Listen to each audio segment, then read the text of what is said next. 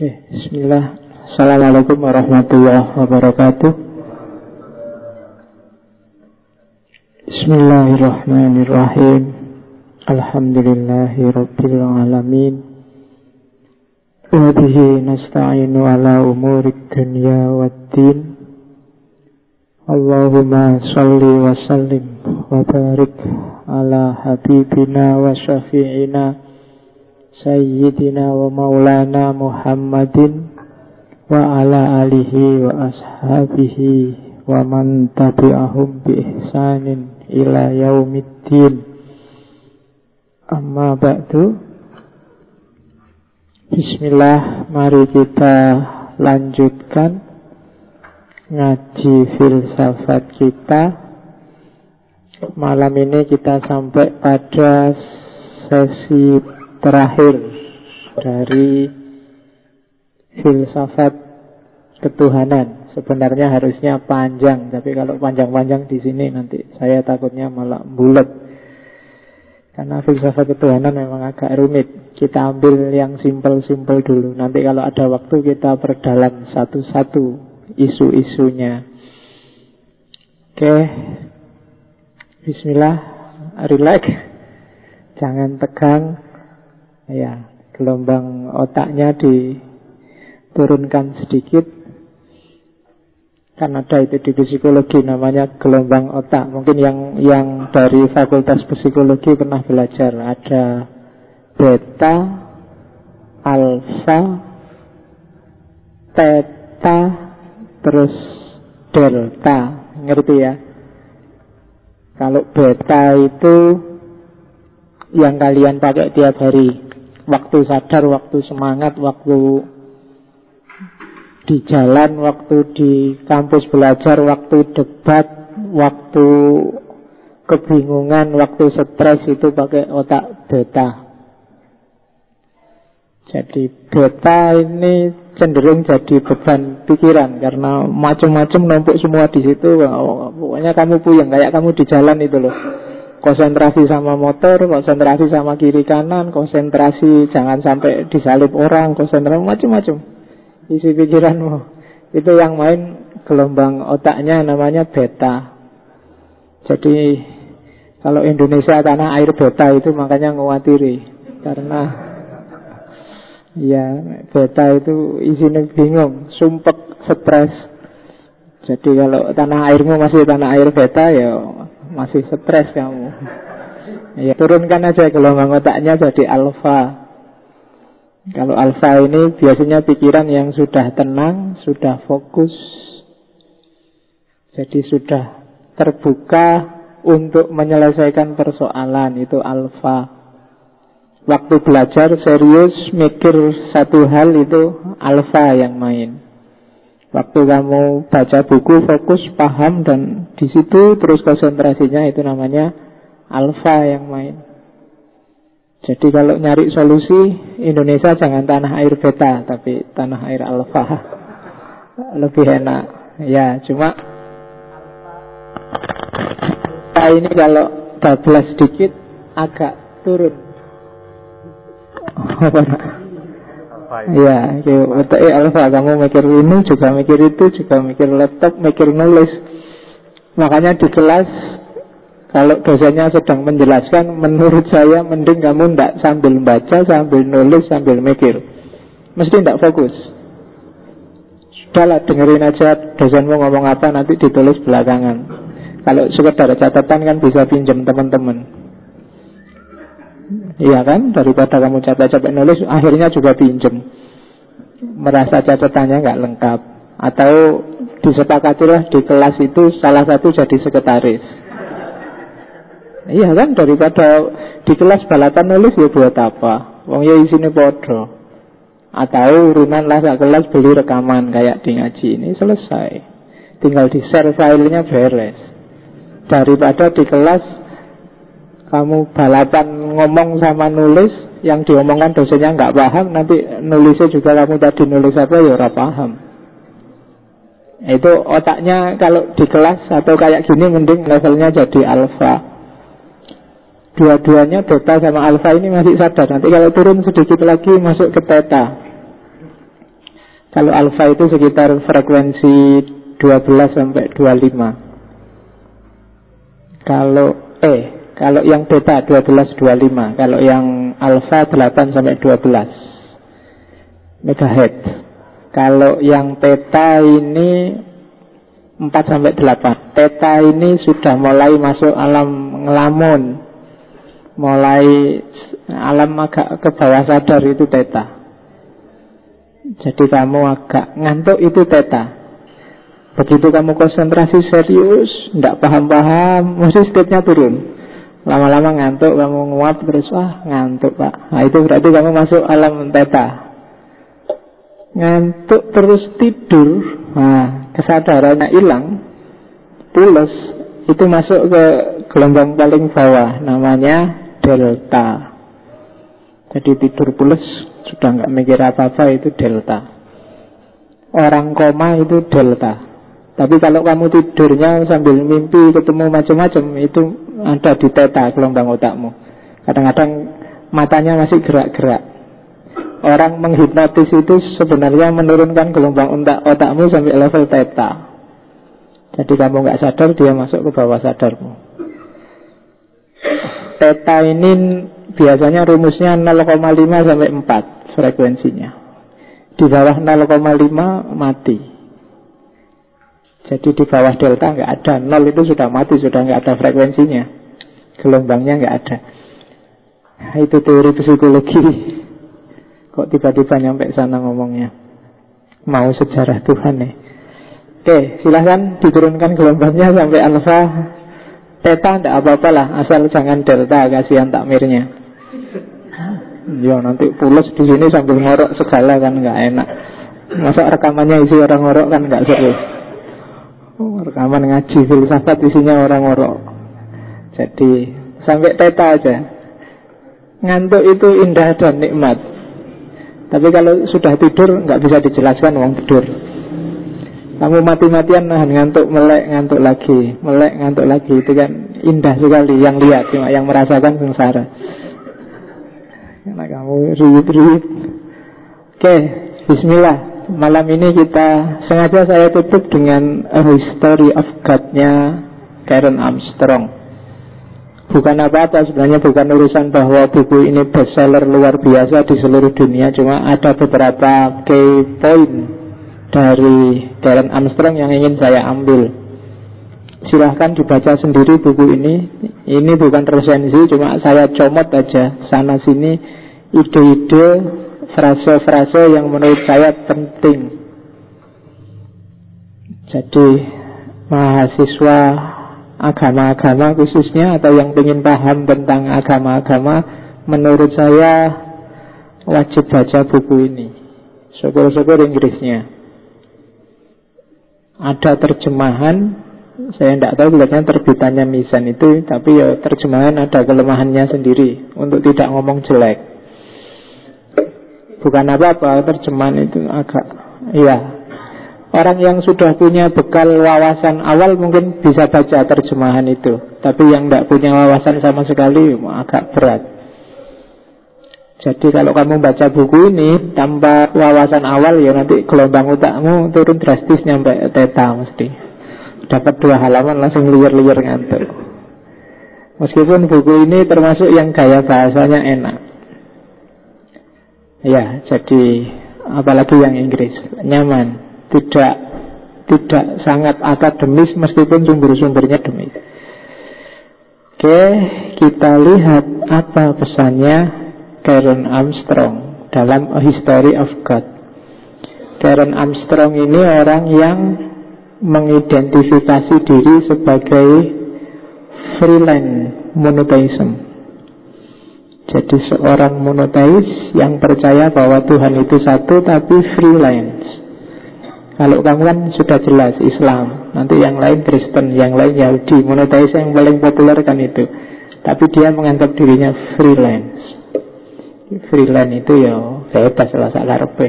Mau ke Islam ya Islam, mau ke Yahudi Yahudi, Kristen Kristen. Sekarang punya lembaga mengembangkan. Saya lupa lengkapnya tapi intinya menuju compassion. Compassion itu cinta kasih. yang jadi basis pergaulan antar manusia. Jadi compassion itu kan level paling tinggi di atas dua gairah mana yang lain. Ada libido, di atas libido ada love, di atas love ada compassion.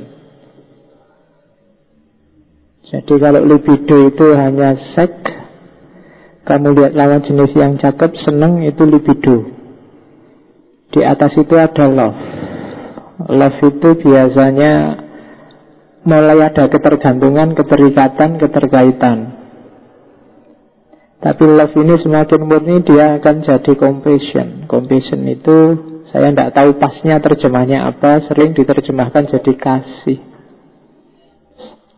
Sayang itu compassion. Jadi sudah tidak pamrih lagi. Kalau di Islam mungkin ada level mahabbah, ada level mawaddah, ada level rohmah. Rohmah ini compassion. Kalau mawaddah ini cinta, suka, sangat suka, suka yang mendalam.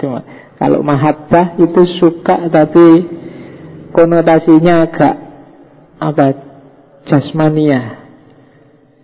Jadi ya, aku suka kamu karena kamu cantik. Kalau Aku masih suka kamu meskipun kamu jelek Itu biasanya sudah cinta. Kalau naik level lagi Aku cinta kamu syarat apa pun aku tetap sayang kamu Tidak ada pamrih apa pun Tidak ada keinginan apa pun Itu compassion. Kalau love itu aku cinta kamu meskipun kamu jelek Asal kamu juga cinta aku. Tidak masalah. Itu love Tapi kalau compassion itu Tidak ada syarat apa-apa Kamu nggak senang padaku juga tidak apa-apa Aku tetap sayang padamu. Misalnya Nabi pada umatnya itu kan compassion. Nabi tidak dapat apa-apa loh dari kamu, tapi dia selalu mendoain kamu. Orang tua pada anaknya itu sering disebut compassion. Allah khalik pada makhluknya itu maha compassion. Rahman Rahim. Nah ini yang dikembangkan oleh Karen Armstrong. Ada bukunya yang bagus, saya tidak tahu sudah diterjemah apa belum yang 12 steps. Ada 12 langkah bagi orang yang ingin mengembangkan kasih sayang sesama manusia. Yang ini hari ini banyak hilang. Relasi antar manusia kebanyakan kan sekarang bersyarat. Relasi yang bersyarat itu riskan. Kalau syaratnya nggak terpenuhi nanti efeknya tidak enak. Kamu sama saya misalnya Ya saya sementara ini suka pak sama bapak karena butuh ngaji filsafatnya. Kalau nggak ada ngaji saya nggak peduli lagi, nggak urusan sama bapak. Nah, itu kan ada syarat. Kamu sama teman juga gitu kan, asal kamu nggak nyenggol aku ayo. Tapi kalau nyenggol aku hati-hati. Nah, itu ada syaratnya. Tapi compassion tanpa syarat. Itu yang dikembangkan oleh Karen Armstrong. Dia mulai jadi idola. Masa mudanya sebenarnya dia seorang apa ya calon biarawati Kristen jelas sempat kuliah di Oxford jadi biarawati jadi biarawati gagal karena kuliah di Oxford itu dapat wawasan banyak tentang religiositas, rasionalitas. Kemudian di Oxford mulai S1, S2, doktoralnya juga ngambil Oxford tapi nggak selesai. Kenapa nggak selesai? Karena dia punya penyakit sejak kecil yang tidak sembuh-sembuh. Dia pengidap epilepsi. Ya, kalau bahasa Jawanya ayan. Jadi yang sok kumat-kumatan jadi doktoralnya nggak selesai. Dan dia sekarang jadi idola hebat luar biasa. Padahal dia punya epilepsi. Harusnya kalian malu yang sehat-sehat. Orang sakit ayan aja bisa sedahsyat ini karyanya. Oke, bismillah ya, kita gali. Judulnya A Historic God. The 4000 bahasa Inggrisnya apa? Four thousand. Alhamdulillah masih ngerti. Kayak nera ngerti wong ini bahasa Inggris kamu sering alergi tuh kalau bahasa Inggris itu. Kalau kalian download History of God yang versi Indonesia itu hanya sampai bab ke-6. Kalau nggak percaya cari sendiri. babnya ada 11 jadi lima bab terakhir nggak masuk padahal itu yang penting-penting termasuk Tuhannya para filosof ada di bab saya lupa filosof reformis itu sekitar 6-7 kalau yang Inggrisnya full bisa di download secara gratis buku ini terbitnya sekitar tahun 2003-an. Oke, kita lihat ada apa dengan Karen Armstrong dan History of God. Masa mudanya cantik, cuma yang di internet banyak gambarnya waktu tua. Kalau sudah tua ya enggak seru dilihat. Kamu lihat gambar mudanya aja.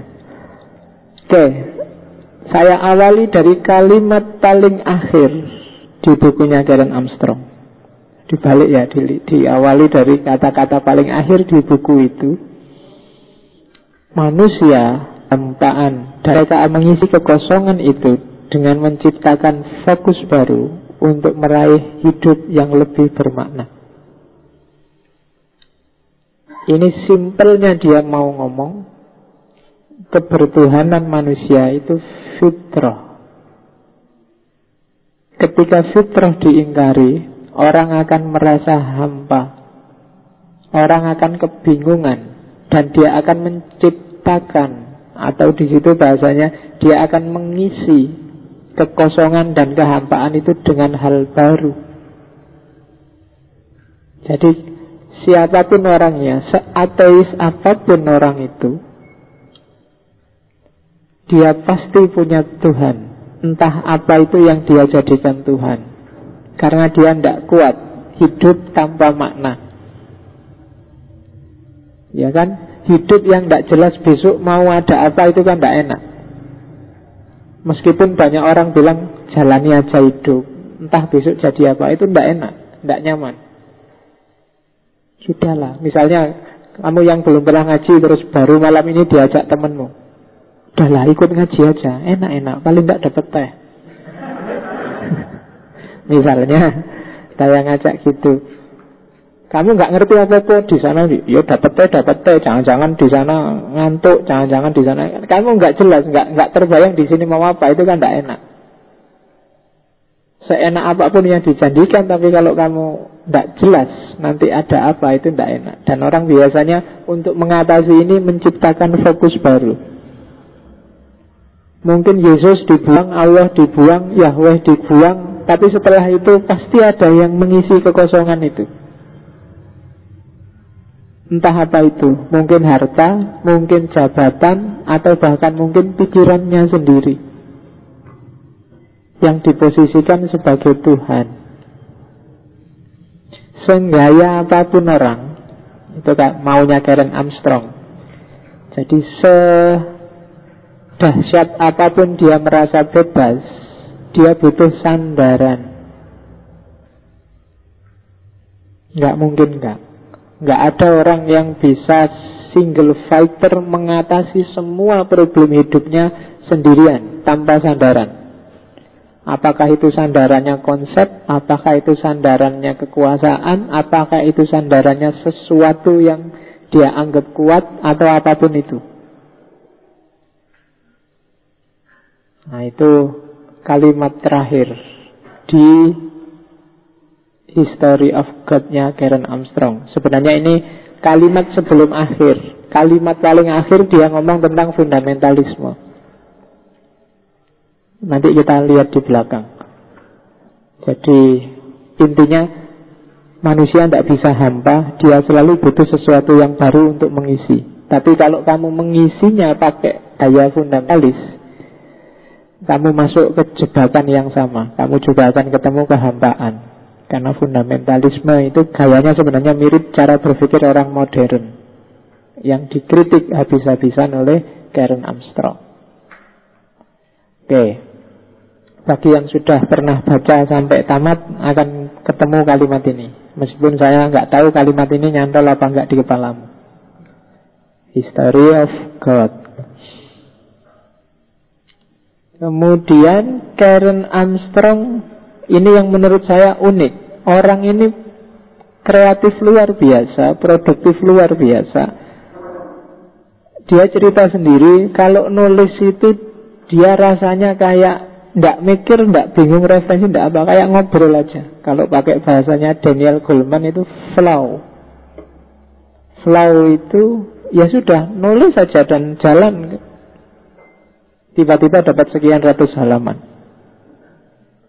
Kalau kalian bisa kayak gini enak. Ya kan? Loh, para ulama zaman dulu itu jangan salah. Nggak mungkin dia kayak kita sekarang gaya nulisnya. Imam Ghazali itu nulis buku-bukunya ketika dia umur 40 tahun. Setelah dia uzlah di masjid di Syam itu. Dan Imam Ghazali meninggal umur 54. 40 tahun sampai 54 itu hanya 14 tahun dia nulis dan coba lihat karyanya 300-an lebih termasuk yang tebal-tebal Ihya Ulumuddin atau Al-Mustasfa yang usul fikih itu. Itu 14 tahun nulis. Jangan-jangan dibayangkan zaman itu ada laptop yang bisa di copy paste sak senenge. Ya kan? Lo itu 300 kitab lo ya, sak risalah-risalah yang kecil-kecil termasuk yang tebel-tebel luar biasa. Itu gimana nulisnya? Mungkin kamu bilang, mungkin nggak punya istri Pak, lo dia punya istri, punya anak. Meskipun saat itu ya sedang uzlah menghindari istri dan anaknya. Ya kan? Apalagi Imam Jalaluddin Asyuyuti yang nulis Al-Ibqon, Asbah wa. Oh, itu jumlah karyanya, kalau ini tidak nikah. Dia umurnya lebih pendek daripada Ghazali, selisih setahun, 53. Tapi sama, memulai nulis karya pertamanya ditulis waktu dia umur 40 tahun. Dan jumlah karyanya hampir 20 eh hampir dua kali lipat tulisannya Ghazali, sekitar 600-an judul kitab di semua bidang kajian Islam. Bayangkan 13 tahun nulis 600 kitab itu ndak sempet nongkrong, ndak sempet ngobrol, itu makannya gimana, ya kan? Kapan Facebookan, Twitteran? Zaman itu untungnya nggak ada. Nulisnya kan pakai tinta, pakai pena itu kan zaman dulu. Itu bisa sampai 600-an judul. Itu kalau ndak dahsyat nggak bisa itu. Nulisnya pakai mesti metode modelnya ilhamiah, intuitif, instinktif. Kalau bahasa sunninya mungkin ada semacam ilmu laduni. Allah yang nonton. Kalau katanya Asy'arani itu di Tobakot itu Jalaluddin Asyuyuti itu kalau sedang buntu dia ditemui oleh Nabi Muhammad kalau di kitab di catatannya Sya'roni sekitar 75 kali diskusi sama Nabi Muhammad langsung. Ya, dan kamu akan opo yo iya tenan Pak, ya sakarepmu. Buktinya dia bisa nulis 600 judul kitab. Itu aja bukti konkret. Dan manusia pasti yang bisa kayak gitu. Tinggal kamu kalikan, tinggal kamu bagi Sehari nulis seminggu bisa menghasilkan berapa kitab ada yang sangat muda lagi. Yang nulis majmuk Majmuk syarahnya muhadzab itu. Majmuk syarah muhadzab Iya, Nawawi. Imam Nawawi itu meninggalnya umur 30 tahun. Tapi dia punya banyak karya Termasuk Al-Adhkar, Riyadus Solihin Yang paling berat memang yang majmuk itu. Majmuk itu Sekitar 23 jilid Cuma Imam Nawawi nggak bisa menyelesaikan full, dia nulisnya cuma juz 1 sampai juz 9. Mulai tohara sampai mungkin sekitar bab haji. Tapi dari sisi umurnya ya hanya 30 tahun loh. Anggap aja balik atau mulai pinter ilmunya umur-umur 20-an lah. Berarti dia hanya punya waktu 10 tahun. Tapi lihat karyanya. Kapan dia sempat mikir, sempat nulis Yo, Imam Nawawi juga tidak nikah sih sebenarnya. Jadi jomblo tapi kreatif. Loh, ya kan? Termasuk Imam Suyuti. Kalau kamu kan jomblo isone mau nggak status ning Facebook. Bikin karya dong biar ada alasannya kok kamu jomblo ya berkarya no produktif kok. Gitu loh. Ya kan kayak majmu itu ya tidak selesai tidak apa nanti ada yang meneruskan. Kalau majmu itu kan nanti diteruskan oleh Syekh Tabiyuddin As-Subki. Tabiyuddin As-Subki juga sedikit dia juz 10 11. Nanti yang 11 sampai 23 diteruskan oleh Syekh Ahmad Najib Al-Muti'i. Bagi yang merasa sunni dan syafi'i Bagi saya harus baca kitab ini Karena kitab syafi'iyah yang paling representatif untuk Indonesia itu kan syafi'iyah, syafi'i yang nawawi. Jadi harus harus sempat nengok-nengok kitab inilah Kalau merasa jadi orangnya syafi'i. Oke, model kayak gini Oh sampai sana-sana ya ngomongnya. Itu dialami oleh Karen Armstrong. Dia heran sendiri sama dirinya, aku kok bisa ya nulis kayak gini. Tapi tulisannya luar biasa memang. Begitu dia pegang laptop, nulis nggak berhenti sudah, terus terus dan jadilah setebal itu. Dan kalau di Sufi namanya trans, kayak Ibnu Arabi atau Al-Halaj, waktu nulis Tawan itu kan ya semalam. Jadi sambil merem sambil satu hatnya lahir jadi kitab. Ya kan? Ya kalau kalian bisa boleh niru lah. Malam-malam bangun-bangun daripada cuma kencing kan nulis. Apa gitu. Daripada tidak ada hasilnya apa bahkan satu hatmu siapa ngerti bagus. Ngelanturmu siapa ngerti luar biasa. Ini sebenarnya kalau insting itu kan bisa dilatih. Karena mungkin memang Karen Armstrong awalnya juga sering nulis, lama-lama nulis itu jadi bakat, jadi insting. Insting itu kayak makan minum itu kan insting. Kamu nggak perlu belajar ya keluar sendiri. Kejarlah itu. Oke, jadi karena kalau ndak kayak gini, kamu mesti lama nulisnya. Disertasi berapa tahun, tesis berapa puluh tahun. ya kan? Mikir lama, kayaknya nyari judul, kayaknya nyari tema, kesuwen. Begitu ngadep laptop, gimana ya mulainya kalimatnya apa terus. Ya kan? Nggak jadi. Terus keluar ngerokok dulu, ngopi dulu. Habis itu WA anak, habis itu ah besok aja ndak apa-apa, belum detelin aja kok kan gitu. Dan nggak selesai-selesai akhirnya. Ya kan? Kuncinya nulis itu satu, nggak perlu mikir ingin nulis apa. Diawali bagaimana, yang bagus bagaimana, nggak akan jadi, nulis saja. Apa sih idemu? Tulis saja apa adanya. Urusan mempertebal, memperkaya gampang. Kamu tinggal nyari buku referensi ke mana-mana ada. Nulis saja dulu idemu apa. Kalau nunggu buku, nunggu referensi, nunggu dapat bahan di mana, nggak akan selesai main insting. Kayak kamu kalau dibatet dosennya besok makalahnya dikumpul ya, oh, kan cepet itu. Wah, besok ya. Kalau nggak dikumpul sekarang nggak jadi-jadi. Ya kan? Kamu nggak ada skripsi dua semester satu tahun. Saya yakin efektifnya nggak ada satu bulan.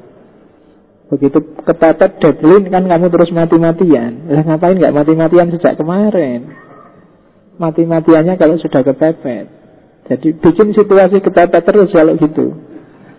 Jadi anggap aja kamu sedang dipepet atau nyarilah orang yang mau mepet kamu.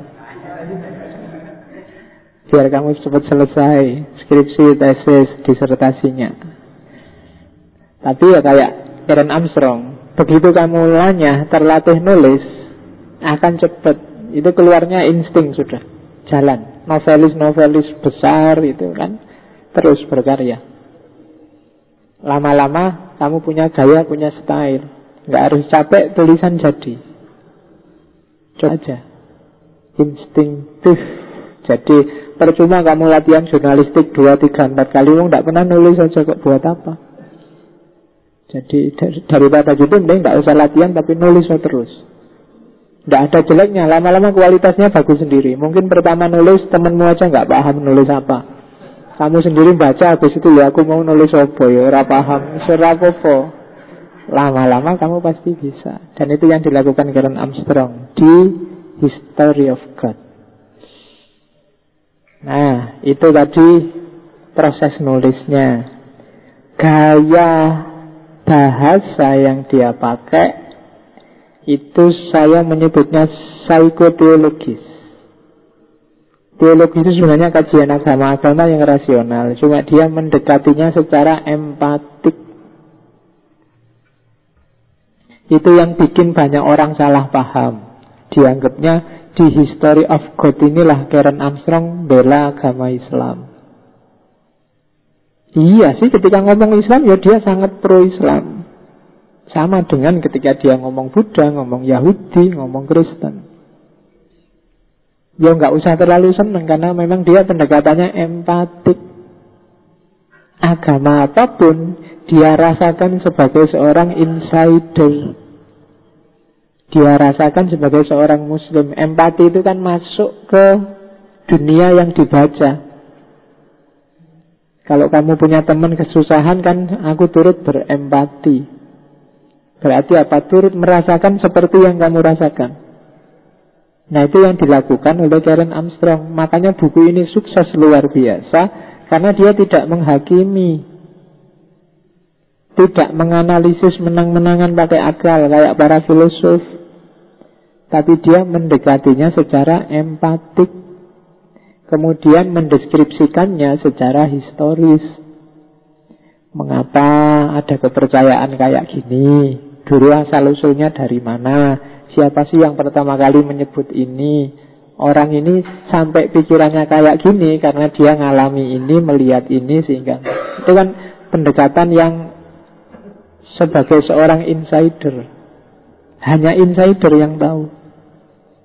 Jadi kalau kamu ingin kayak gaya Karen Armstrong ya berarti kamu harus ketika mengkaji sesuatu masuklah ke sana. Ketika kamu mengkaji si ah misalnya gaya ini ya kamu masuk. Seandainya aku orang si A Sentimen kesiahan itu apa saja sih? Kenapa sih sampai segitunya Misalnya orang si A itu pro Ali? Mungkin bisa kamu runut sampai Mau kasus terbunuhnya Ulen Sampai kasus Bagi mereka dirampasnya haknya Ali. Seandainya kamu yang kayak gitu apa ya? Ah, Itu empatik Jadi memposisikan dirimu Sebagai aktor yang main. Misalnya kamu Muhammadiyah belajar NO Ya posisikan dirimu sebagai seorang tradisionalis versi NO Itu empatik. Apa yang kamu rasakan? Seandainya kamu ziarah, kamu tawasul Terus dimaki-maki orang Allah apalah. Itu kan empatik, kamu masuk ke dunianya. Iya ya. Seandainya aku digituin juga tidak mau Sama juga, seandainya aku wahabi Terus ada orang bunyi-bunyi kayak gitu ya Masalah Itu namanya empatik Selama ini orang mengkaji agama, aliran-aliran keagamaan itu biasanya modelnya tidak empatik tapi berjarak. Bahkan dengan kacamatanya sendiri yang ada menghakimi. Dari agamanya sendiri dia tampilkan, dia tunjukkan yang bagus-bagus, dari yang lain dia cari yang jelek-jelek yang terjadi hari ini dan itulah modusnya dialog. Dialog itu kan selalu gitu. Milikmu apa? Milikku ini loh. Jadi masing-masing kukuh di posisinya. Yang terjadi ya akhirnya orang semakin tegas dengan perbedaannya. Dan ketika orang semakin tegas dalam perbedaan itu semakin susah untuk disatukan. Mau apa-apa yang muncul duluan kita kan beda. Ya kan? Setiap kali NU Muhammadiyah kamu bahas Misalnya untuk kasus Indonesia ya Sebanyak itulah kamu semakin jauh Kalian akan semakin tidak dekat Karena apa? Kalian semakin menegaskan perbedaan Semakin kalian tunjukkan Ini loh, ini loh, ini loh Zaman tahun 2006 saya pernah ke Singapura, NTU di sana banyak juga ahli agama. Salah satu yang tak tanyain di sana, kok di Singapura lebih adem ya, nggak kayak di Indonesia rame. Kuncinya apa, Prof? Jawabannya dia, karena di sini agama jarang dibahas. Jadi jarang didiskusikan. Tema-temanya lebih banyak ke sain. Yang agama jarang didiskusikan. Ketika jarang didiskusikan, minusnya lebih gampang. Tapi ketika kamu kebanyakan bahas, kebanyakan diskusi itu ya semakin ruwet. Apalagi begitu era reformasi keterbukaan opo wae kan kamu bahas. Bahkan yang tidak punya kompetensi apa-apa ikut bahas, ikut rame, ikut menghakimi. Dan rusak semua akhirnya, bubar wis. Yang baru bisa baca terjemahan sekarang berani ngalah nyalah nyalahin orang lain loh. Pokoknya Islami Quran hadis bisa ngaji mas, tidak bisa. Tapi Quran itu uh, Islam itu harus Quran hadis, ya kan? Dan hadisnya cuma kitab terjemahan yang judulnya 40 hadis pilihan gitu kan. Iya. kalau kalau ceramah sesuai dengan sabda Nabi, Arabnya mesti nggak dibaca, yang artinya. Sip itu. Oke, jadi ya enggak apa-apa sih punya komitmen keagamaan yang bagus, cuma ya ngerti porsi dan proporsinya. Gitu loh. Ya, kalau memang ahli tidak apa-apa. Sekarang setiap orang terus pinginnya kalau ngomong agama terus jadi ustad. Entah diustadkan orang lain atau mengustadkan diri. Iya, jadi itu yang berat. Saya aja nggak berani disebut ustad, kurang tinggi. Oke, ustad itu kan guru ya. Ya. Untuk memposisikan diri sebagai guru itu kan tidak gampang. Tidak sekedar kamu punya jenggot terus bisa salam dan alhamdulillah gitu terus ustad. Oke, makanya zaman Nabi itu para para sahabat kan nggak mau dia disebut ulama, disebut wali apa, maunya disebut sahabat aja sama Nabi. Nggak mau disebut yang tinggi-tinggi. Oke, jadi itu jenis kajian psikoteologis. Jadi me posisikan diri sebagai objek yang dikaji. Kita lihat asumsi-asumsinya. Karen Armstrong. Jadi jangan kaget ya meskipun itu history of God Sebenarnya Karen Armstrong yang dididik hanya tiga agama besar Tiga agama anak-anaknya Ibrahim Abrahamic religion Yahudi, Kristen, dan Islam Meskipun nanti di bab awal yang judulnya In the Beginning dia ngomong tentang asal-usul agama. Nanti kita singgung sedikit asal-usul agama itu. Tapi yang jelas fokusnya dia adalah perkembangan tiga agama besar. Yahudi, Kristen, dan Islam. Murid-muridnya, keturunannya Nabi Ibrahim. Oke, ya sekarang kan mulai banyak kajian, penelitian yang terakhir itu yang profesor dari India itu yang membuktikan bahwa Ibrahim itu sebenarnya Brahmana dari India. Ya, nanti jadi Ibrahim itu yang Brahman di India, sementara yang Wisnu itu Nabi Nuh dan yang Siwa itu Nabi Adam. Bisa kesimpulan kayak gitu cari aja. Saya lupa yang anu, itu. Profesor dari India. Tulisannya banyak. Kalau yang tentang Ibrahim cari bukunya yang judulnya Who was Ibrahim? Dan argumennya semacam otak adik gadok Tapi dia punya bukti arkeologis yang panjang. Tulisannya tebal segini. Jadi tidak asal ngomong Wong profesor kan jadi dia punya data panjang untuk membuktikan bahwa Ibrahim itu sebenarnya Brahmana dari India mulai macam-macam buktinya, mulai istrinya. Kenapa dia berani nyebut Brahma? Wong istrinya aja kalau di India Saraswati, kalau di Islam jadi Sarah. Ya. Terus kalau banyak sekali yang ternyata pinter juga Seandainya itu otak-atak jatuh Alangkah dahsyatnya dia menggadukkan Semua data tentang Ibrahim yang klop Dengan yang ada di India Termasuk bentuk kata dan ritual-ritual seperti tawaf sa'i dibandingkan dengan ritualnya Hindu. Oke, ya cuma kalau merasa imannya belum kuat nggak usah dibaca banyak-banyak. ya, mau kamu Islam satu aja belum paham-paham pontang-panting belajar agama lain. Ya, tapi mulai banyak kajian kayak gitu. Dan termasuk kenapa dia bilang Wisnu itu Nuh Wah, argumennya juga banyak. Menarik, baca itu tidak bosan karena ada data baru dia bilang Siwa itu ternyata Adam dan pinter dia menggadukkan ayat sama data yang dari India terus kemiripan nama-nama bahasa itu. Oke, Meskipun ada ada versi lain juga buku juga yang membongkar secara genealogis bahwa ternyata Krishna itu muridnya Nabi Musa. Kaget kan kamu itu hubungannya opo Krishna sama Nabi Musa. Tapi ada ada rentetannya dia bisa menjelaskan. Iya. Cuma jangan dibikin tesis atau disertasi kamu belum nyampe hubungannya Krishna sama dan kayak di kemarin saya lupa pertemuan keberapa saya tunjukkan genealogisnya genealogis mistiknya orang-orang Bahai itu Dia bisa menunjukkan mulai dari Nabi Adam, Hermes sampai ke bawah sampai Surawardi sampai Mula Sadra. Rentetan sanatnya. Dan itu bisa. Oke, termasuk yang dikembangkan oleh Karen Armstrong adalah sejenis kalau pakai bahasa Hussein Nasr, Saintia Sakra. Sejenis perennialisme beberapa minggu yang lalu sini kan kuliah tentang ngaji tentang perennialisme itu. Itu hikmah abadi yang sampai era kapan pun dan di mana pun tetap akan disetujui oleh manusia yang waras. Karena memang inilah yang dititipkan oleh Allah pada Nabi Adam dulu. Wa alama adamal asma'a kullaha. Jadi bibit-bibit pengetahuan untuk bekalnya manusia jadi khalifah di muka bumi.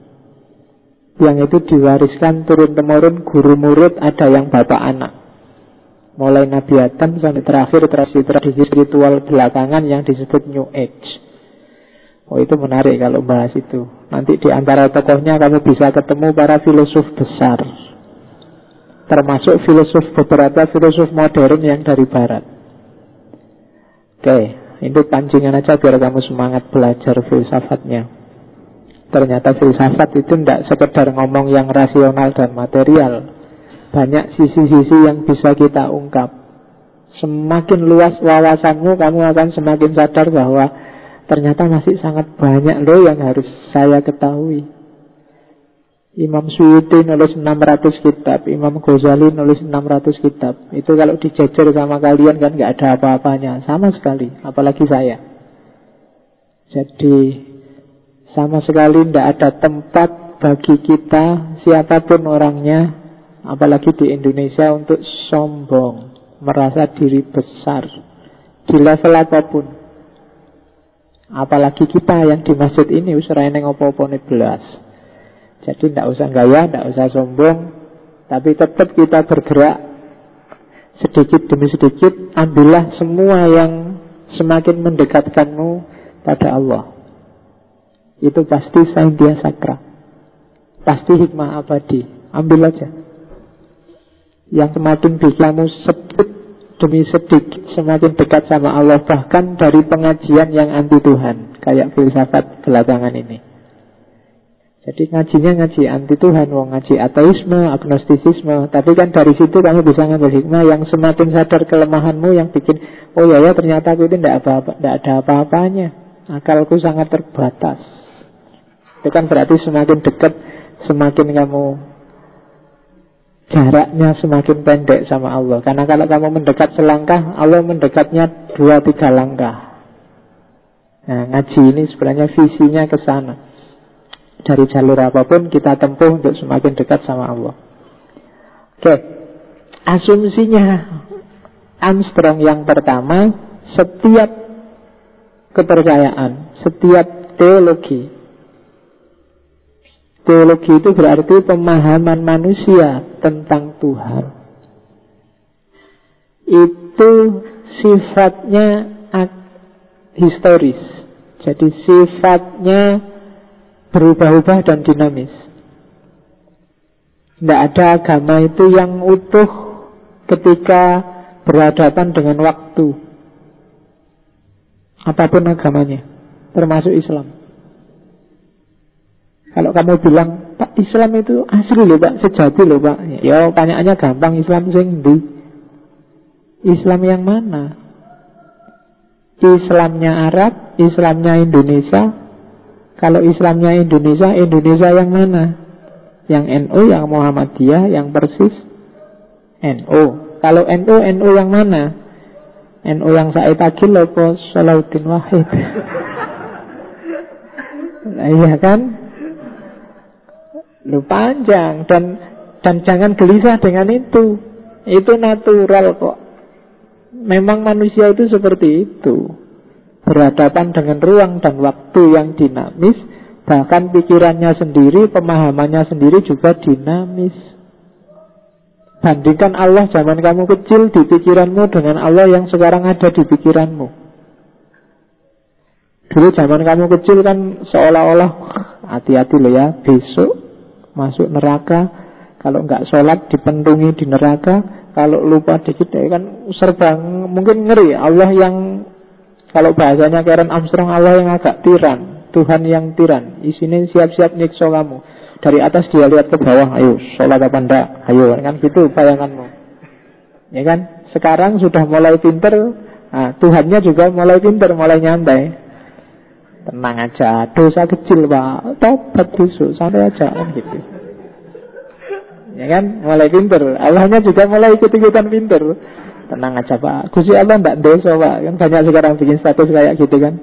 Khusus Allah nggak sendeso itu pak Santai aja lah Jangan kaku-kaku Ngapain sih Jadi Armstrong mau ngomong Konsep Tuhan di kepalamu Itu sebenarnya berkembang sesuai dinamika hidupmu sendiri Dan itu tidak salah Memang kayak gitu fitrahnya manusia Allah sendiri yang bikin kayak gitu. Makanya tadi kalau kamu bilang Islam, ya Islam di Kristen kan Kristen yang mana? Buddha aja yang agama kamu anggap agama kasih sayang juga pecah, tidak karu-karuan. Bahkan sampai melakukan pembantaian kayak di Burma. Jadi asumsi pertamanya itu ketika dia nyusun buku History of God.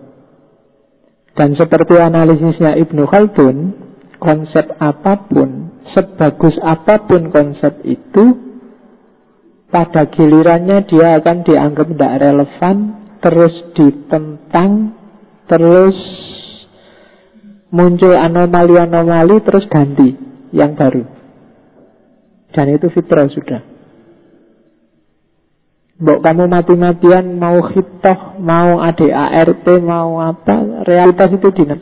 Satu-satunya jalan kamu otoriter, atau adaptif.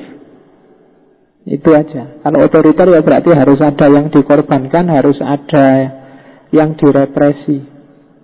Tapi kalau adaptif ya berarti harus siap selalu melakukan penyesuaian-penyesuaian. Selama ini banyak yang ngambil strategi otoriter. Strategi otoriter itu misalnya ada buku yang bagus, kalau potensial dianggap mengancam keyakinan kan Jangan dibaca buku ini nanti rusak imanmu jangan. Itu kan strategi otoriter namanya.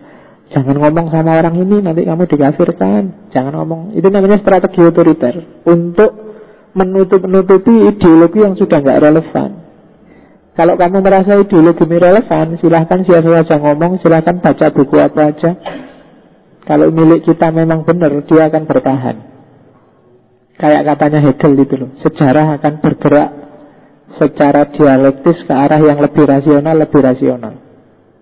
Yang tidak rasional mungkin bisa bertahan, tapi dia tidak akan lama. Cara mempertahankannya ya pakai gaya otoriter tadi. Tapi yang dianggap benar pada gilirannya juga akan berubah. Kamu misalnya saya bebas loh pak mikirnya karya sendiri, tapi ya sekarang benar besok dia bisa berubah. Dan itu manusiawi, katanya Karen Armstrong.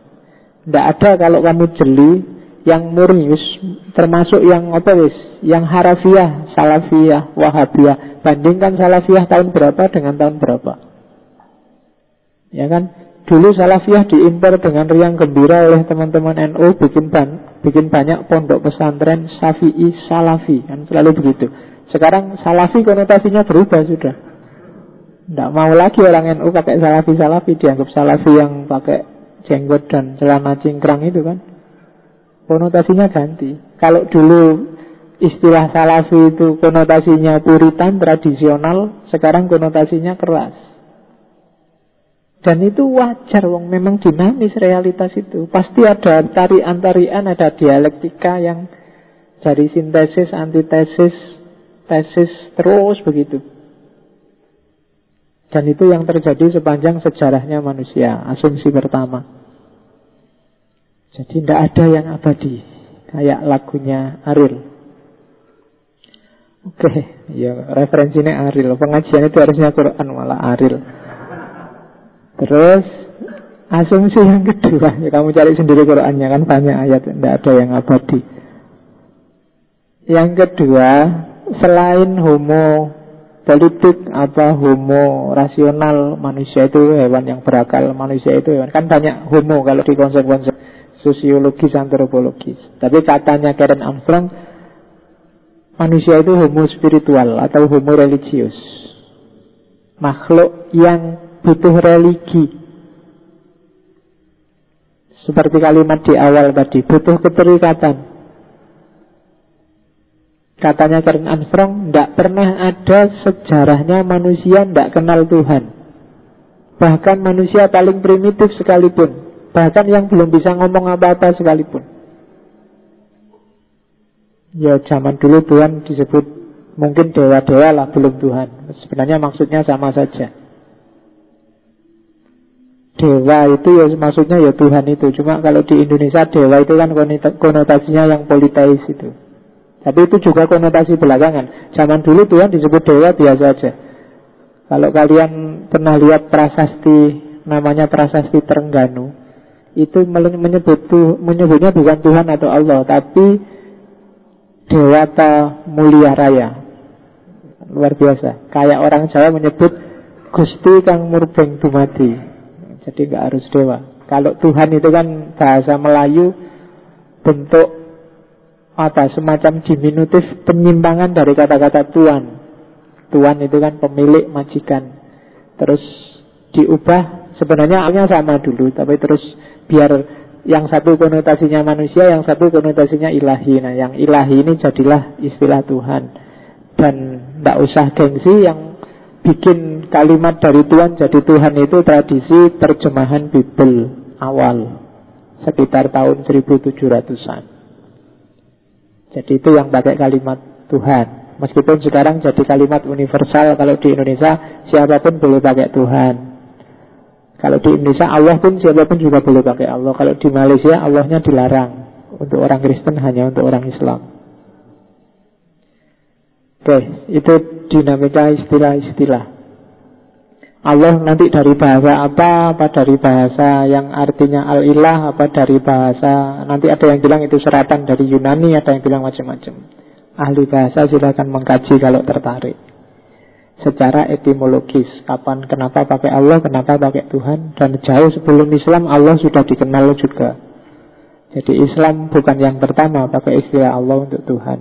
Kalau di Quran kan disebut orang-orang musyrikin Arab itu menyebut Allah itu Tuhan yang paling tinggi. Jadi di bawah Allah ada Tuhan lagi kecil-kecil, tapi Allah Tuhan yang paling tinggi dan itu Al-Quran dimarahi oleh Al-Quran karena Allah kayak gitu. gitu. Dan jangan salah, kenapa kok masuk Al-Quran itu sebenarnya Al-Quran juga wanti-wanti kita, jangan sampai kita beriman pada Allah tapi kita punya banyak Tuhan kecil yang lain. Kalau posisinya kayak gitu, kita tidak ada bedanya sama musyrikin Arab. Yo kita percaya sih Allah itu nomor satu Tapi ada Tuhan yang kecil-kecil. Ada Tuhan yang namanya pacar Ada Tuhan yang namanya harta Ada Tuhan yang namanya IPK Ada Tuhan yang namanya ijazah Ada Tuhan yang namanya skripsi, tesis Itu kan Tuhan kecilnya banyak. Kamu mengabdikan dirimu ke sana. Nah itu sudah disindirkan oleh Al-Quran. Kalau bahasa antropologi agamanya Allah yang high God, Allah yang Tuhan tertinggi dan di bawah Tuhan tertinggi banyak Tuhan-Tuhan kecil.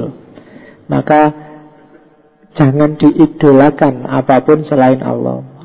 Jadi jangan suka milih Indonesian Idol apa dangdut idol karena yang boleh jadi idol satu-satunya hanya Allah. Lo idol itu kan bahasa Inggris artinya berhala. Indonesian Idol berarti berhala Indonesia jadi dangdut idol ya berhalanya dangdut dan kamu dengan sukarela kehilangan uang banyak demi berhalamu yang namanya idol. Apa pun itu idolnya. Itu kalau di Quran disindir kan, masa selain Allah kamu percaya juga Tuhan-Tuhan yang kecil itu berarti Allah nggak nomor satu. Itu musyrik. Jangan salah, Saya lupa filosofi yang bilang bahwa Tuhannya monoteis itu Tuhan yang paling pencemburu. Dia tidak mau diduakan dengan apa pun. Harus satu dan satu-satunya. Oke, nah jadi asumsi pertama manusia makhluk spiritual. Begitu manusia melek jadi manusia, saat itu juga dia punya Tuhan. Yang di Karen Armstrong momennya sama dengan manusia yang punya gairah estetik kayak seni. Begitu manusia melek, manusia sudah bermain dengan seni untuk menaklukkan alam. Oke, terus kenapa agama dibandingkan sama seni? Karena dua-duanya mengandung makna. Karena hidup itu tidak hanya yang kelihatan, tapi makna yang dibalik yang kelihatan jauh lebih penting.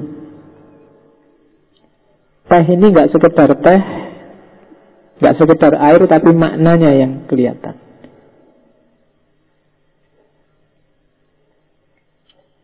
Oke Ya kamu kasih makna sendiri. Sudah bolak-balik dicontohin Kesel aku nyontohin makna pakai teh. Oke Asumsi pertama. Asumsi kedua Eh kok asumsi ketiga? Kedua, ketiga ya Asumsi ketiga Ngantuk ini. Oke ya. Katanya Armstrong Kalau dia mencermati dalam sejarah Budaya manusia Khususnya yang pramodern Itu punya dua paradigma berpikir Punya dua worldview Yaitu worldview mitos sama worldview logos Kayak di Yunani itu kan dulu masih ada Zeus, Hercules dan kawan-kawan Tapi juga ada Socrates dan kawan-kawan mitos sama logos. Di Jawa juga begitu. Banyak mitos juga banyak logos. Ada Ronggo Warsito tapi juga ada Nyai Roro Kidul. Ya kan? Ada Sunan Kalijogo tapi juga ada Panembahan Senopati. Jejer mitos sama logos. Untuk budaya-budaya pra modern. Dan katanya Karen Armstrong, yang kayak gini yang kondusif. Karena orang tidak cuma butuh sain, tapi juga butuh makna hidup. Yang makna hidup itu tidak bisa kalau hanya diperoleh dari akal. Dan di situlah mitos-mitos bermain. Mitoslah yang mengarang, yang mengerangkai konteks makna hidup. Nyai Roro Kidul itu kan mitos, tapi di balik Nyai Roro Kidul ada banyak signifikasi makna yang bisa mengambil, yang bisa digunakan orang Jawa untuk hidup sebagai basis kearifan lokalnya penghargaan luar biasa tajuannya Irara Kidul itu bisa bermakna penghargaan pada laut, bisa bermakna macam-macam. Penghargaan pada kekuatan feminin bisa bermakna dan lain sebagainya. Kenapa di Jawa itu semua yang super power kok kebanyakan perempuan? Ada Dewi Sri, ada Nyai Roro Kidul, ada banyak yang perempuan-perempuan. Oh, itu pasti ada rahasia, ada makna di sana. Jadi itulah main dan perannya mitos. Kenapa kok dulu ada danyang? Kenapa kok dulu ada dan lain sebagainya.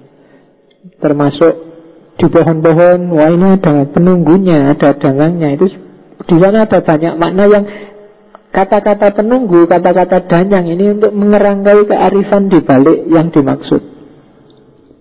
Misalnya biar orang menghargai alam, menghargai ekologis, terus di pohon-pohon dikasih bunga di bawahnya ada sajen itu kan sudah.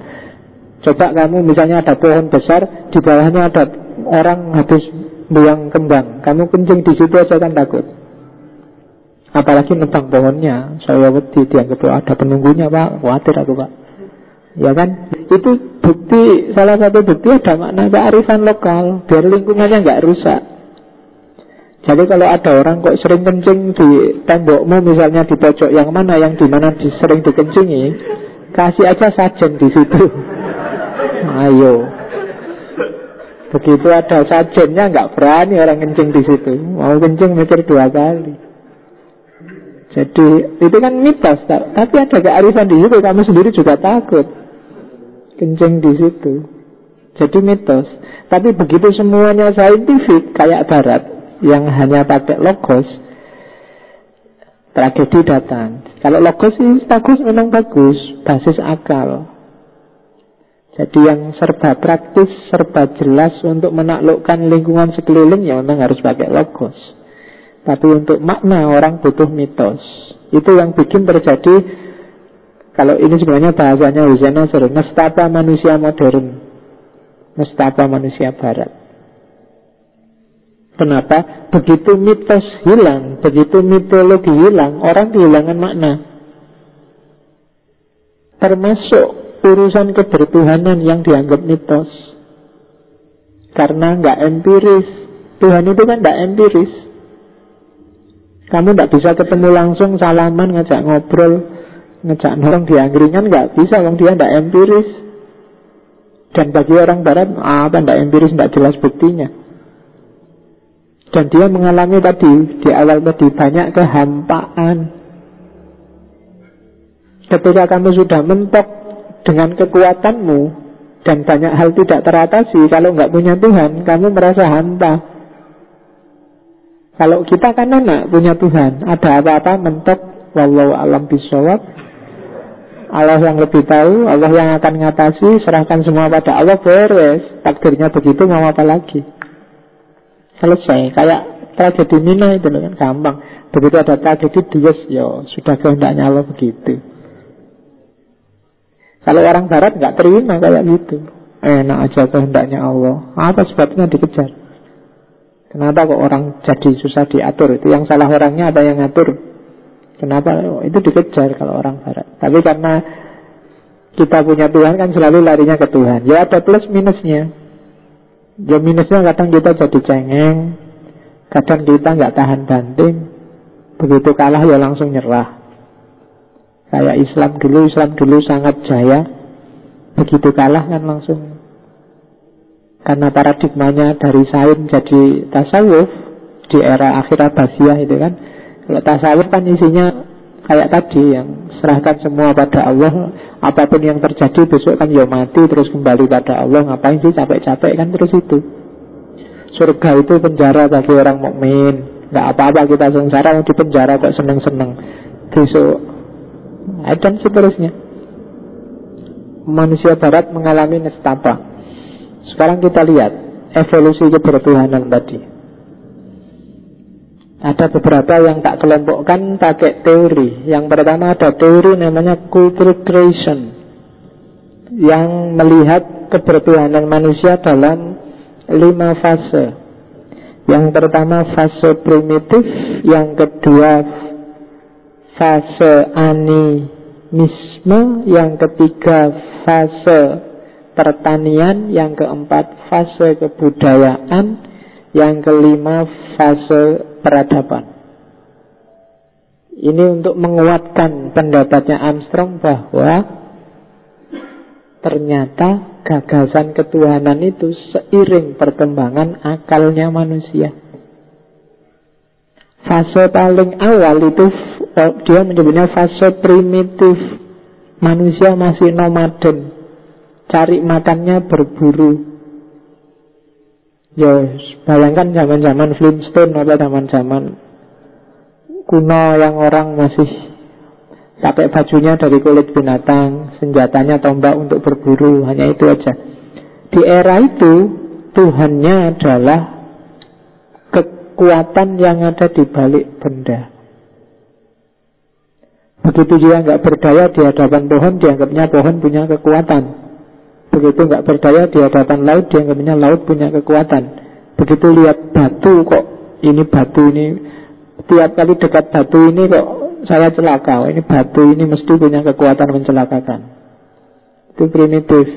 Jadi punya ya, kadang disebut dinamisme, ada daya di balik benda. Jadi siapa pun hari ini yang pakai akik dan percaya di balik akik itu ada dayanya, kamu masih primitif. Nah ya kan? Dinamisme. Jadi percaya kalau ini ada daya. Setiap kali pakai ini pak Saya semakin cakep semua orang gitu. Iya itu berarti cara berpikirmu masih primitif. Manusia yang masih nomaden Yang belum pakai baju. Jadi percaya pada kekuatan benda-benda Jadi ternyata hari ini kita sedang balik lagi ke zaman primitif Oke Nah, ketika gagasan tentang benda ini berkembang di era namanya animisme, ketika manusia sudah mulai menetap, mulai berkelompok, mulai bisa tanam menanam, yang tadi dianggap cuma daya, sekarang berkembang. Ini nggak cuma daya, tapi ada sosoknya. Sosok ini ada, ada barangnya, terus jadi danyang, jadi hantu, jadi penunggu, jadi yang bau rekso, itu animisme. Karena orangnya sudah mulai establish pertanian ya Percayalah dia pada para penunggu. Yang tadi cuma daya Sekarang daya ini dipersonkan Lahirlah para penunggu.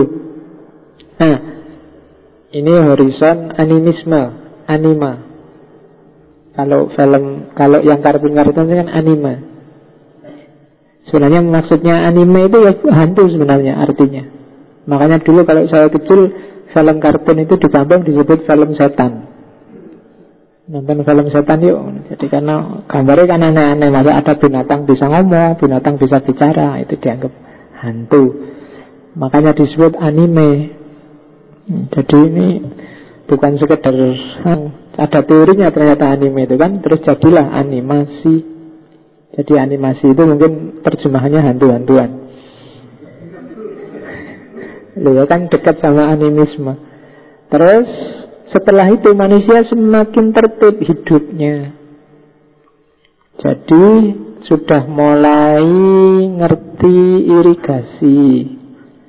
Yang tadi cuma kelompok klan sekarang jadi suku-suku. Oke. Okay? Nah, tadi kepercayaan pada hantu tadi berubah. Kalau tadi dianggap hantu ya ada sosoknya, sekarang naik levelnya. Bukan lagi hantu, tapi ini dewa loh. Di era pertanian. Jadi ada di balik pohon ya ada dewa pohon, di balik laut ya ada dewa laut, di bawah tanah ada dewa bumi, di atas langit ada dewa langit, dan seterusnya. Jadi roh-roh tadi sekarang jadi dewa Nah, nanti naik kelas lagi manusia semakin pintar, semakin canggih, muncul kebudayaan-kebudayaan besar, Yunani, Babilonia, Romawi. Mulai muncul pemerintahan, sistem pemerintahan. Nah, ketika muncul sistem pemerintahan, dibayangkan dewa-dewa yang tadi banyak itu juga sebenarnya ada pemerintahannya loh. Maka terus muncul Oh berarti dewa juga ada rajanya Yang high god tadi loh. Di Yunani terus ada rajanya para dewa namanya Zeus. Di Mesir terus ada rajanya para dewa namanya Dewa Matahari, Dewa Ra Dan seterusnya. Kayak kita di Merapi itu ada kerajaan makhluk halus, rajanya namanya siapa, patihnya namanya siapa, anak buahnya namanya siapa. Gagasan kayak gini itu munculnya seiring orang Jawa sendiri yang mengenal pemerintahan. Terus dibayangkan dewa-dewa juga ada pemerintahannya. Ada yang bagian panglima, ada yang bagian patih, ada yang bagian kan itu. Nyai Roro Kidul itu ratunya, kalau Nyai Blorong itu panglimanya, senopatinya, kalau nyai siapa itu dan seterusnya. Itu gagasan ini muncul ketika ya orang Jawa sendiri punya struktur ngerti pemerintahan. Kalau mereka nggak kenal pemerintahan kayak di era klasik nggak sempat membayangkan dewa-dewa. Nah, lama-lama dari sistem pemerintahan ini kan ada yang paling tinggi rajanya. Lama-lama kultus pada raja ini semakin besar, semakin besar sampai akhirnya yang lain kalah semua. Lahirlah yang namanya monoteis. Percaya bahwa sebenarnya yang sejatinya penguasa itu ya cuma satu. Tidak ada yang lain. Nah itu monoteis. Ya kalau di bukunya Culture Creation itu, Culture Creation itu artinya lapisan kebudayaan termasuk agama-agama besar yang mengkerucut pada gagasan monoteisme. Itu teori pertama. Ada lagi teori kedua. Namanya teori psikologis. Psikologis evolusionistis. Subteorinya yang pertama ada animis teori. Animis teori ini yang punya teori Edward Taylor. Bukunya judulnya Primitive Culture. Jadi sebenarnya ya enggak, bukan karena budaya tapi karena psikologi. Jadi pertama-tama orang memahami fenomena orang mimpi, orang sakit, orang mati. Mikir sendiri terusan. Ini orang sakit, ini orang mati. Ini orang... Kalau salah mimpi itu, wong tubuhnya tidur, tapi kok bisa mengalami macam-macam ya rasanya. Orang sakit juga begitu, tubuhnya kesakitan, tapi kelihatannya yang lain normal-normal saja. Mati apalagi, tubuhnya nggak gerak sama sekali, tapi apa ya cuma tubuh itu yang pergi apa ya kok dia terus mati. Dari situ muncul gagasan tentang roh. Gagasan tentang roh ini terus nyambung kan. Oh berarti nenek moyang simbah-simbah yang dulu mati rohnya masih ada. Rohnya masih ada yo, berarti dia juga rohnya masih sering berkumpul sama kita mestinya. Terus ada pemujaan-pemujaan roh. Nenek moyang yang dipuja-puja ini lama-lama semakin dari neneknya, cucunya, cucu, buyutnya, buyut, canggahnya, canggah, apa di bawah canggah itu. Ya, oh, wis udek-udek gantung siwur dan seterusnya.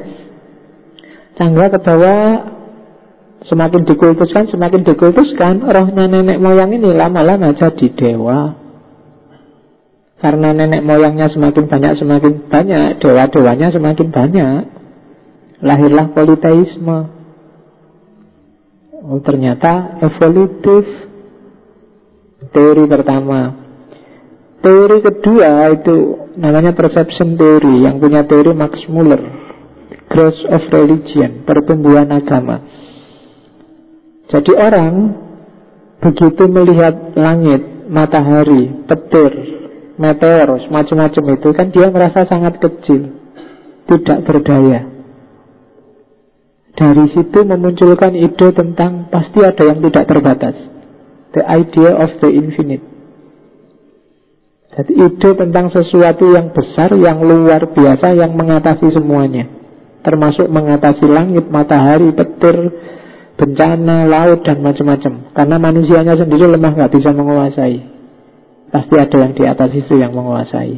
Nah itu perception theory, dari persepsi sehari-hari.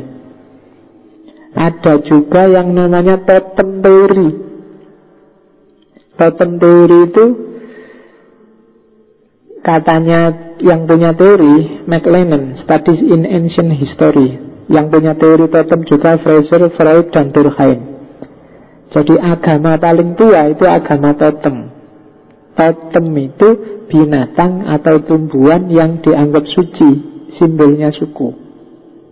Itulah yang dulu disembah. Logika totem ini kan dipakai sampai hari ini. Jadinya lambang negara. Indonesia punya totem namanya Garuda. Amerika punya elang. Apa aja totem itu. Inggris punya singa. Ayo, itu lang FA Cup itu ya gambar Three Lions. Argentina punya apa? Messi.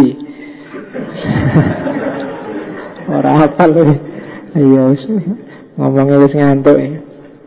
Jadi Totem Dari totem ini terus muncul gagasan ketuhanan Lah kok suku ini menang terus Suku ini semakin lama semakin jaya Wah itu totemnya memang jos Lama-lama totem ini terus disebut Supreme Being. Wah dia berarti Supreme Ultimate. Garuda Di dadaku. Garuda pasti menang. Lama-lama kok menangan terus. Ini orang muncul ide ketuhanan. Karena di Indonesia kalah terus nggak muncul-muncul Supreme Beingnya. Tapi di suku-suku yang menang terus Ini memunculkan gagasan. Mungkin ada Tuhan yang luar biasa Yang diwakili oleh tumbuhan atau binatang kita ini Itu logikanya totem Itu yang dipakai Durkheim, Freud, dan Fraser. Fraser dan Freud tokoh psikologi Durkheim tokoh sosiologi. Jadi totem. Ya kayak dulu mungkin kalian ikut pramuka itu loh kan. Disuruh bikin totem setiap regunya. Ada regu kelinci, ada regu semut, ada regu ya tikus, ada regu ya. Zaman dulu kan gitu itu sebenarnya semacam logiknya kok anu, logik totem. Nanti waktu ada perlombaan-perlombaan kok sukumu, regumu terus itu kan semakin bangga senang nih kelinci nih menang terus. Nah, lama-lama kelincinya dipertuhankan jadi Tuhan. Sama kayak totem. Suku yang kalah biasanya terus kok kalah terus lama-lama ganti totem. Ya, itu yang terjadi. Atau ikut totem yang menang. Biasanya begitu. Itu namanya psikologis evolusionistis. Ada juga yang punya teori namanya antropologis ur monoteistis, termasuk Karen Armstrong. Katanya Karen Armstrong, ndaklah, ndak usah aneh-aneh. Manusia itu memang secara fitrah percaya pada Tuhan yang satu monoteis. Cuma monoteis asal. Ur monoteis itu monoteis yang asli. Yang diidolai oleh Karen Armstrong itu Pater Wilhelm Smith yang punya teori antropologis ur monoteis bahwa manusia paling primitif itu hakikatnya monoteis. Katanya Armstrong, cuma kenapa kok jadi dewa-dewa jadi nggak karu-karuan? Jadi manusia itu cenderung pragmatis. Tuhan yang monoteis itu kan berjarak dari manusia. Tuhan yang ada di sana. Makanya kalau kamu berdoa kan dangak. Kamu kalau doa dangak apa dulu? Ya Allah minta apa? Ya Allah minta. Kalau kamu merasa Allah itu terlibat dalam hidupmu, ada di dalam dirimu, di alam semesta ini dia ada di mana-mana, mungkin dingkluk. Tapi kalau merasa Allah jauh di sana, kamu nggak. Yo, ndak tahu. Kamu mikirnya gimana? Kamu doa juga kadang iseng kan doanya apalan. Tapi bagi Karen Armstrong, ketika manusia Tuhan itu jauh, dia tidak puas, ingin Tuhan yang akrab gitu loh, yang terlibat dengan kita, bukan yang jauh-jauh yang tidak bisa dipahami. Dari situlah terus muncul gagasan roh-roh tadi, muncul gagasan dewa-dewa, wis tidak karu-karuan. Yang jauh, yang sejati malah dilupakan. Itu katanya Karen Armstrong. Jadi awalnya manusia itu monoteis, tapi terus nyeleweng lagi, nyeleweng lagi, nyeleweng lagi. Nyeleweng dimonoteiskan lagi, dikirimkan Nabi. Nyeleweng lagi, dimonoteiskan lagi Dikirimkan oleh Tuhan yang sejati Nabi, Rasul, Kitab Suci. Jadi selalu begitu kisahnya manusia itu Nyeleweng lagi. Kalau kita yakin Nabi Muhammad adalah Nabi tamu Berarti terakhirnya Nabi Muhammad. Kalau sekarang nyeleweng lagi ya Walau alam bisawab. Selesai. Tidak dimonoteiskan lagi sama Allah Itu ditutup, ganti cerita. Nah itu Katanya Karen Armstrong. Jadi manusia aslinya itu monoteis.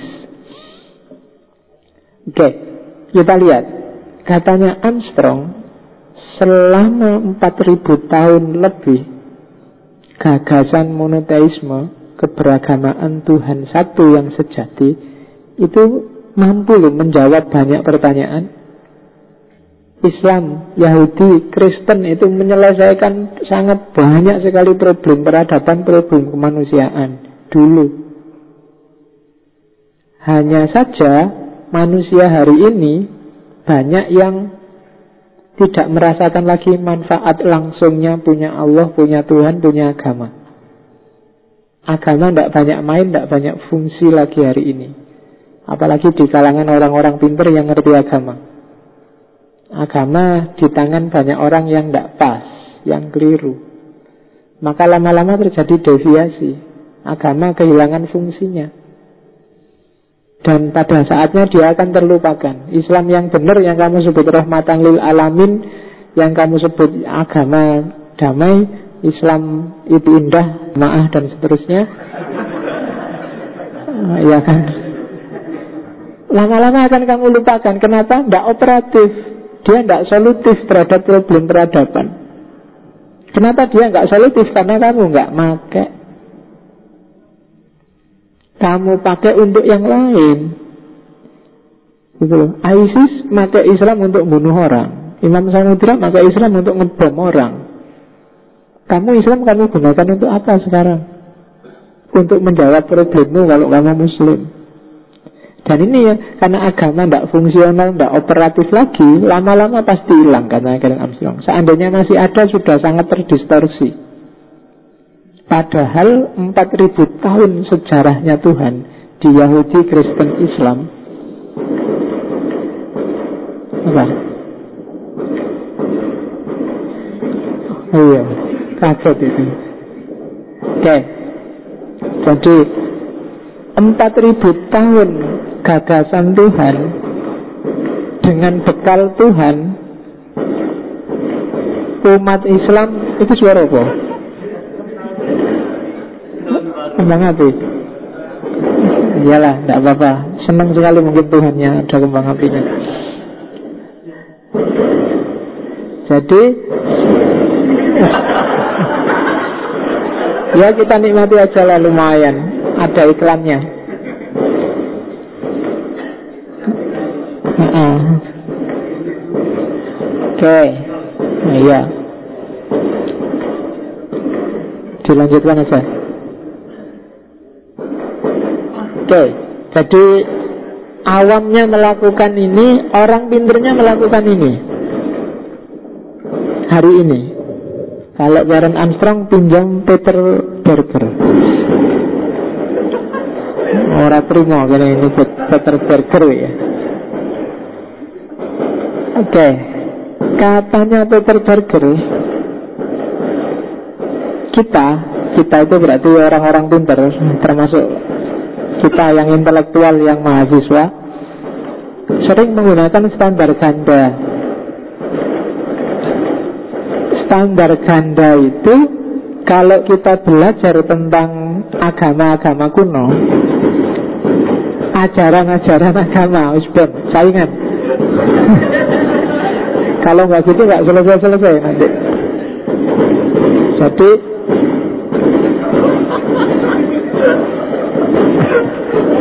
Iya, ternyata kita yang kalah. Sing sing waras Ada yang mau nonton dulu enggak apa-apa? Bagus loh itu.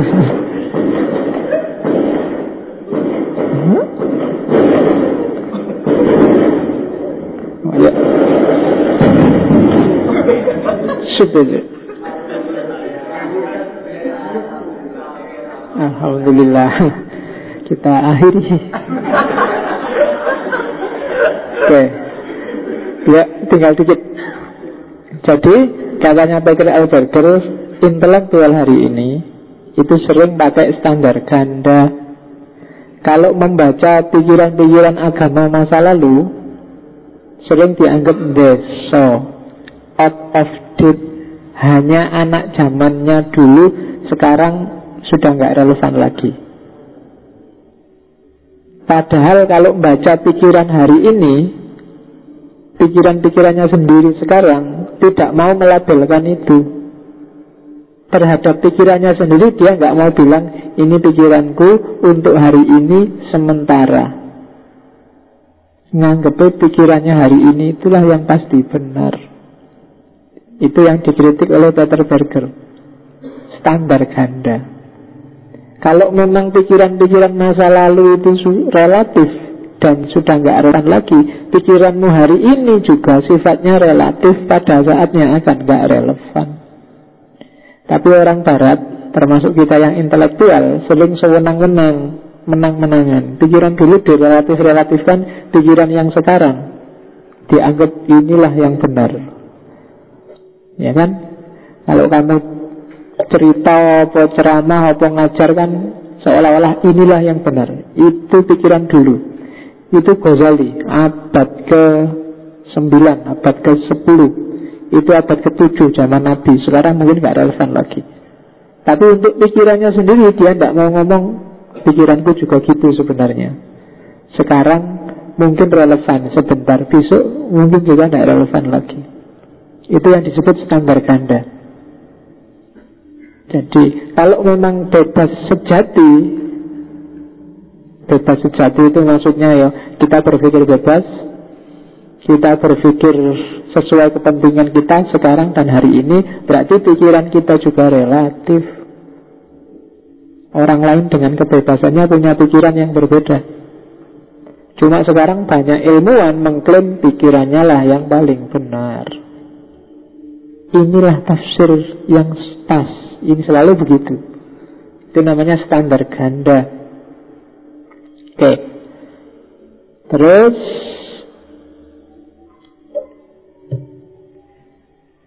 katanya Karen Armstrong memaksakan Tuhan ke dalam isolasi intelektual ke dalam ruang suci milik kita sendiri merupakan tindakan yang tidak sehat dan tidak ilmiah. Ini tak tak terjemah langsung dari buku terjemahannya. Ini akan mendorong orang untuk berpikir bahwa perilaku yang diilhami oleh Tuhan tidak perlu dikenakan standar normal dalam soal kepantasan dan rasionalitas. Potongan ini agak susah kamu pahami kalau dari terjemahannya. Kalau dari aslinya, maksudnya gini loh kan gitu. Jadi kalau ada orang ngomong urusan Tuhan itu nggak ada hubungannya sama akal. Tuhan itu urusan tersendiri. Nggak usah dipikir Tuhan itu sakral. Akal nggak akan nyampe ke sana. Katanya Karen Armstrong itu nggak sehat nggak alamiah Inilah nanti yang jadi sumber orang melakukan apa pun atas nama Tuhan dan nggak mau disalahkan. Orang tidak bisa sadar bahwa itu sebenarnya cuma pemahamanmu, pemikiranmu tentang maunya Tuhan, bukan maunya Tuhan yang sebenarnya. Jadi orang-orang kan kita sering bertindak ini sesuai dengan maunya Allah. Inilah yang diinginkan oleh Tuhan itu kan seolah-olah kita jadi juru bicara Allah. Seolah-olah bukan akalmu yang main karena bagi kamu akal nggak boleh main. Urusan Tuhan urusan yang sakral. Tapi katanya Karen Armstrong itu tidak alamiah, tidak mungkin bisa kayak gitu. Begitu kamu Begitu bertemu yang namanya manusia Pasti akal budinya main Jadi kalau maunya Tuhan itu selalu maunya Tuhan menurutmu. Maunya Tuhan menurutku.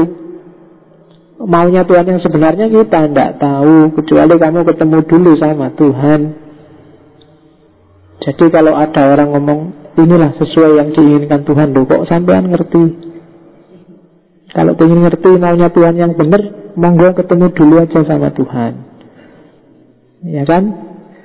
Jadi nggak tahu kita maunya Tuhan yang benar apa, tapi kita tetap harus memahami apa maunya Tuhan, karena kita orang yang bertuhan. Cuma hasil kesimpulan kita tentang Tuhan dan maunya itu pertanggungjawaban moralnya mutlak ada pada diri kita. Jadi kalau kamu mukuli orang dengan alasan perintah Tuhan dan kamu di penjara itu sudah resiko karena kamu yang harus tanggung jawab, wong kamu yang mukuli. Gak usah lari pada Allah. Wong kamu kok itu kan kayak zaman Umar bin Khattab ada maling bilang, "Lu saya maling itu kan sudah takdirnya. Allah menghadirkan saya kayak gini." Terus katanya Umar, "Yo, saya mukuli kamu juga sudah takdirnya." Ya kan? Selesai kalau alasannya takdir ya kabeh takdir. Jadi Allah selalu kamu jadikan kambing hitam. Itu loh. Mari kita berantas kemaksiatan. Terus kamu ngerusak ke mana-mana, mukuli orang di mana-mana. Seolah-olah itu ini perintah Allah loh. Kalau Allah ada dia bisa tersinggung itu. Lah kok aku merintah mukul-mukul kayak gitu. Kok jadinya lucu kan gitu Jadi itu maunya Karen Armstrong Jadi Tuhan jangan dipaksa untuk diisolasi secara intelektual. Karena nggak mungkin itu Tidak alamiah. Kamu pasti memahami Tuhan. Sesuai versimu, kacamatamu. Dan apa pun tafsiranmu sah. Cuma tanggung jawablah sendiri. Itu aja. Maunya Karen Armstrong. Terus meskipun demikian Nah ini. Yang selama ini kita pelajari Ketika kita belajar Tuhan, memahami Tuhan pakai akal, ada kelemahannya. Kelemahannya apa? Ini kalau pakai bahasa lain, katanya Tuhan itu holy other. Katanya Tuhan itu mukhalafatuhu lil hawadis. Berbeda dengan apa pun yang ada. Lah kok dijelaskan seperti para filosof kemarin Sebab pertama penggerak pertama. Lah itu kan ngomong apa yang ada sekarang. Paradigma berpikir ruang dan waktu. Kalau Tuhan sama sekali berbeda, ya tidak bisa dia dijelaskan dengan logika sebab pertama, penggerak pertama. Kalau dia sebab pertama, penggerak pertama, itu berarti urusannya masih dunia. Katanya Tuhan itu sama sekali bukan urusan dunia, sama sekali berbeda. Tidak bisa dideskripsikan. Itu kelemahannya, pikiran-pikiran para filosof. Tapi juga ada kelebihannya. Dengan gaya filsafat menjelaskan tentang Tuhan, Tuhan rasanya lebih dekat, lebih akrab. Dia tidak sama sekali asing, jauh yang tidak terjangkau. Tapi dengan penjelasan kayak kemarin penjelasan-penjelasan filosofis tentang Tuhan itu rasanya Tuhan itu ya terlibat aja sama hidup kita sehari-hari tidak sangat jauh di sana yang tidak terjangkau. Jadi ternyata kita juga bisa kok menjangkau Tuhan meskipun sebatas pengalaman kita sendiri, sebatas nalar kita sendiri. Jadi itu kelebihan kelemahannya belajar tentang Tuhan secara filosofis, katanya Karen Armstrong. Oke, sedikit lagi. Ya, jangan lama-lama nanti kamu ngantuk. Gelombang otakmu sekarang sudah mulai masuk ke delta. Jadi kalau tak biarin setengah jam lagi kamu akan pulas. Oke ya, katanya Armstrong, whatever conclusion we reach about the reality of God, the history of this idea must tell us something important about the human mind and the nature of our aspiration. Apa pun kesimpulanmu, apa pun teori yang kita temukan, yang reach, yang kita jangkau tentang keberadaan Tuhan, the history of this idea, sejarah gagasan tentang Tuhan ini must tell us something important about the human mind memberitahu kita tentang satu pikiran manusia dan karakternya.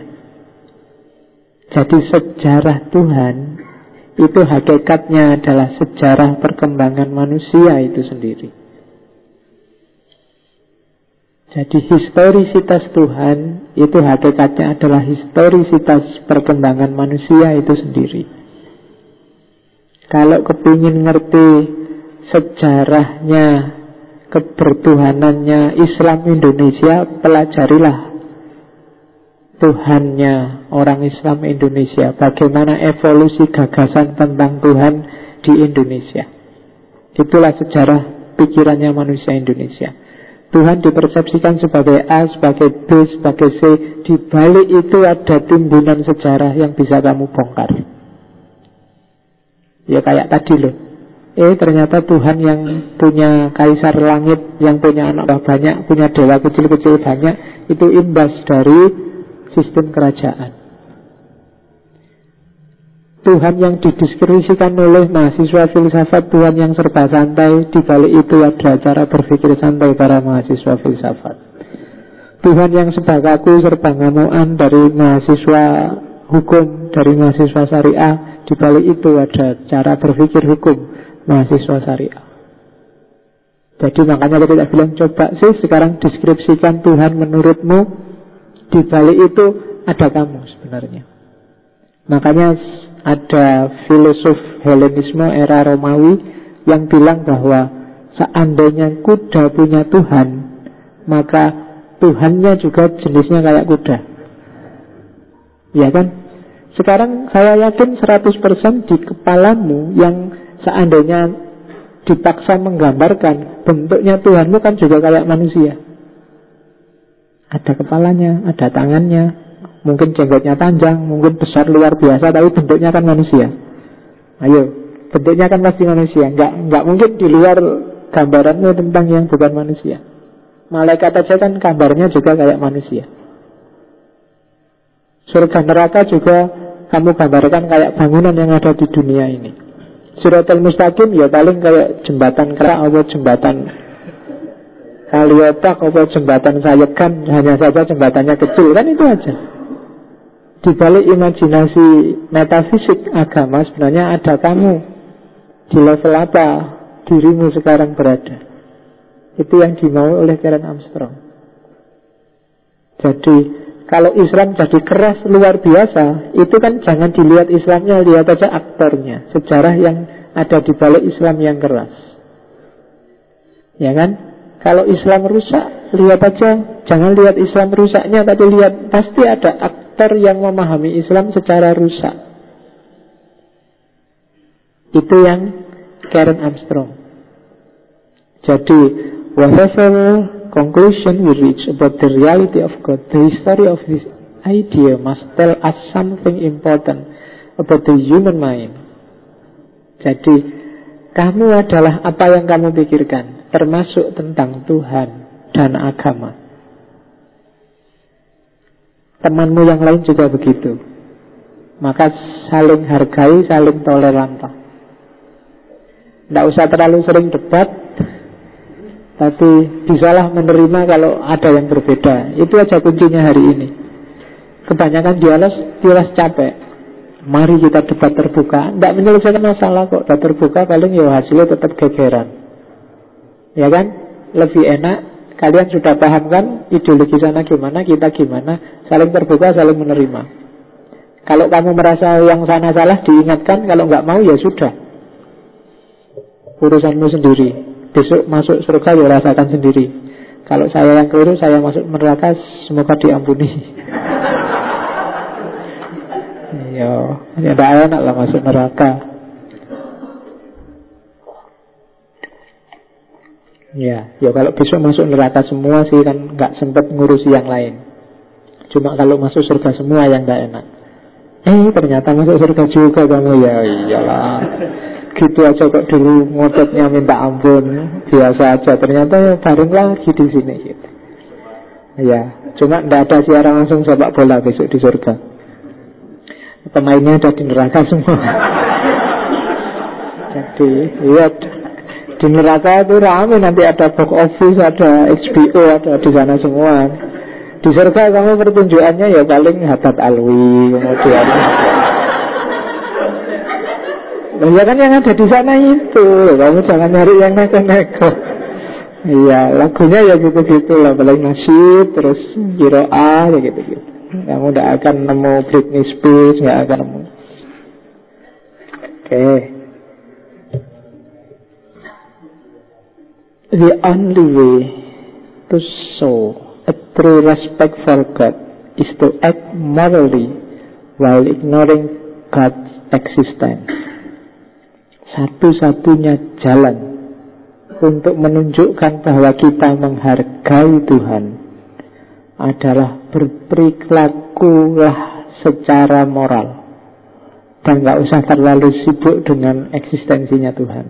Biarlah Tuhan ada dan tetap ada, tidak usah terlalu panjang dibahas, tapi kamu jadilah manusia yang bermoral. Itu sudah menunjukkan penghargaanmu yang luar biasa pada Tuhan. Ya kan? Tuhan tidak terlalu bangga kamu tiap hari bahas dia. Tapi Tuhan bangga padamu kalau kamu jadi manusia yang baik dan bermoral. Itu maunya Karen Armstrong.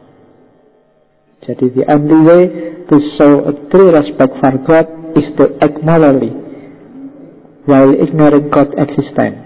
Makanya filsafat ketuhanan hari ini kita akhiri Karena jangan dibahas banyak-banyak deh Cukup kamu aja jadi manusia yang bermoral, yang baik Itu katanya Karen Armstrong Kenapa sih?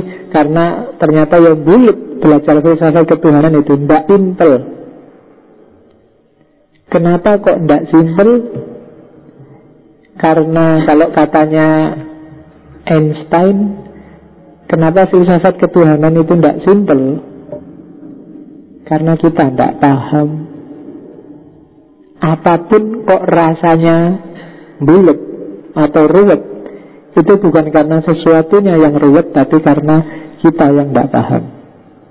Jadi jangan disalahkan objeknya Salahkan dirimu yang tidak paham. Jadi katanya Einstein begitu. Jadi whatever is not simple It means that you are not understand. Kok kamu belajar filsafat? Pak filsafat itu jelimet bulat Bukan filsafatnya yang jelimet bulat Kamunya yang tidak paham. Kan cuma itu. Buktinya orang lain bisa memahami filsafat. Oke. Kita membahas Tuhan sudah selesai.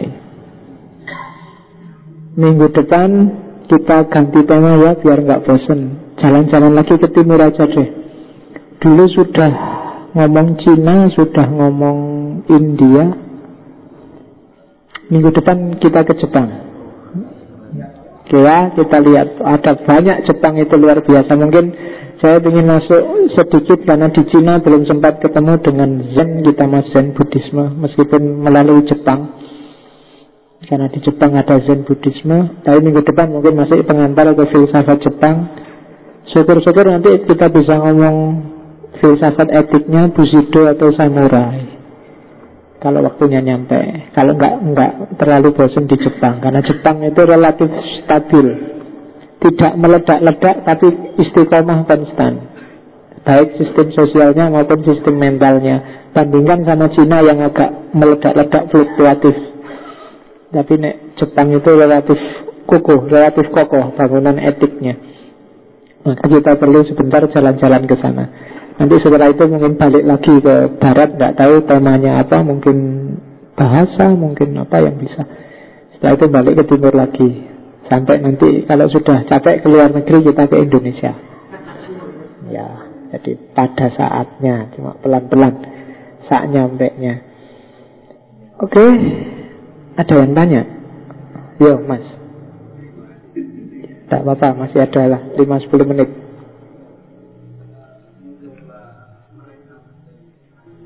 Hmm. Hmm. Hmm.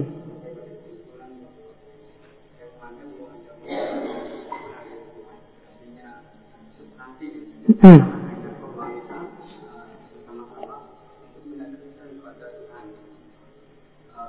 Kesimpulan saya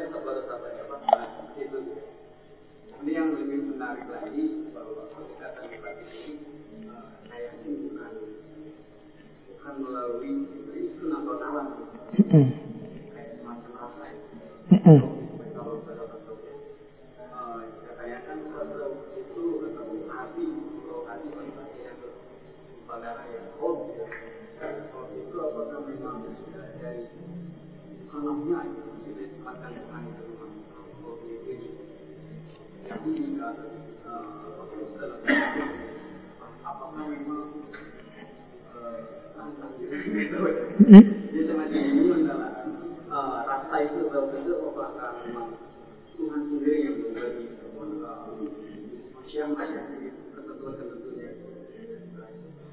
Oke, kesimpulannya kalau gitu semua agama sama benar ya menurut pengikutnya masing-masing.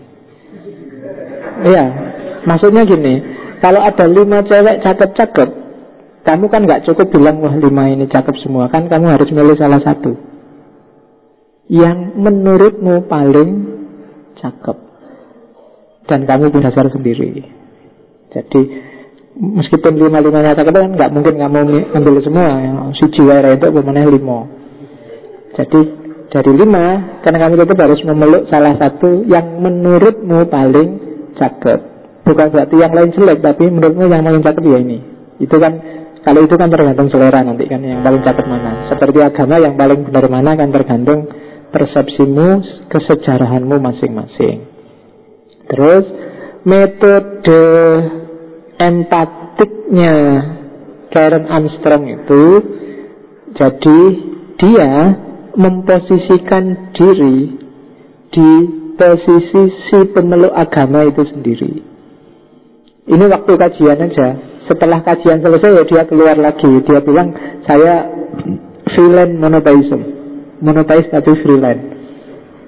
Itu kata lain, itu sebenarnya istilah-istilah yang banyak populer di kalangan para filosof barat kontemporer seperti Bertrand Russell dan kawan-kawan yang bertuhan tapi tanpa agama. Religion no tapi morality yes itu banyak yang jenis-jenis kayak gitulah. Tapi kalau Armstrong ini dia masih sangat respect terhadap agama apa pun. Sebenarnya dia masih Kristen bilangnya tapi tidak serigid dulu waktu jadi biarawati. Dia punya konsep sendiri, punya gaya sendiri untuk memahami Tuhan. Jadi empatik itu sebagai metode ya seandainya kamu orang Buddha mengalami hal menghadapi ajaran seperti Buddha, oh mesti gini yang dirasakan. Itu kalau pakai istilahnya Satu Zenasar dan kawan-kawan namanya passing over. Passing over itu menjelajahi agama-agama lain untuk dapat pemahaman lebih bagus, lebih dalam tentang spiritualitas, khususnya nanti pada akhirnya kembali lagi pada agamanya sendiri dengan pemahaman baru, wawasan baru yang tidak kaku lagi kayak sebelumnya. Itu sebenarnya gayanya Armstrong. Kalau yang tentang ilham, wahyu, wangsit, nulis, instruktif tadi dan lain-lain itu memang harus dilatih. Kalau pakai bahasa sufi harus ada riadohnya. Riadoh itu kan mana harafiahnya latihan. Ya, kalau hubungannya sama nulis ya sering-seringlah latihan nulis. Tulis dulu sebanyak-banyaknya tentang apa pun. Hari ini mungkin karena pengaruh gadget ya, smartphone, Facebook dan kawan-kawan, kamu tidak terlatih mengekspresikan gagasanmu secara detail dan panjang. Biasanya kamu cuma satu dua kalimat, kadang-kadang cuma satu huruf, satu gambar, satu jempol selesai. Ya kan? Iya, bayangkan zaman dulu. Zaman dulu itu kan saya pernah cerita itu kan kalau zaman dulu enggak. Sebelum ada HP, sebelum ada smartphone kan ngomong sama pacar aja kan harus ngirim surat. Nulis dulu panjang lebar pakai surat, dikirim. Balasannya nunggu dua tiga minggu, ditunggu. Ada kangennya kan kalau nunggu itu dibaca enggak ya responnya gimana ya kan romantis terus dibalas suratnya dibawa ke mana-mana bolak balik dibaca bolak balik dilihat. Ngeni artistik nggak kayak sekarang kan? Oke sekarang kan kamu cuma pakai SMS jam 12 malam SMS satu kalimat sudah tidur.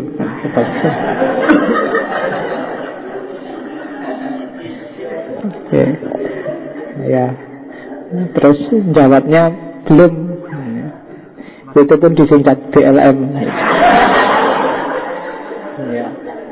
Kayak dulu tak ceritain Anakku baca SMS-nya mahasiswa itu loh. Tak, besok ke kampus enggak Tanda tanya terus Mohon di BLS nah, Anak saya enggak bisa. Ya ini ada SMS Minta di plus jadi VLS oleh cah cilik ra iso dianggap plus Ya, sini tak plusnya. Oke, saya kira itu ya. Untuk malam hari ini, minggu depan kita jalan-jalan ke Jepang dengan filsafatnya orang-orang Jepang. Ya, wallahu muwafiq wal afu minkum wallahu alam bisawab. Wassalamualaikum warahmatullahi wabarakatuh.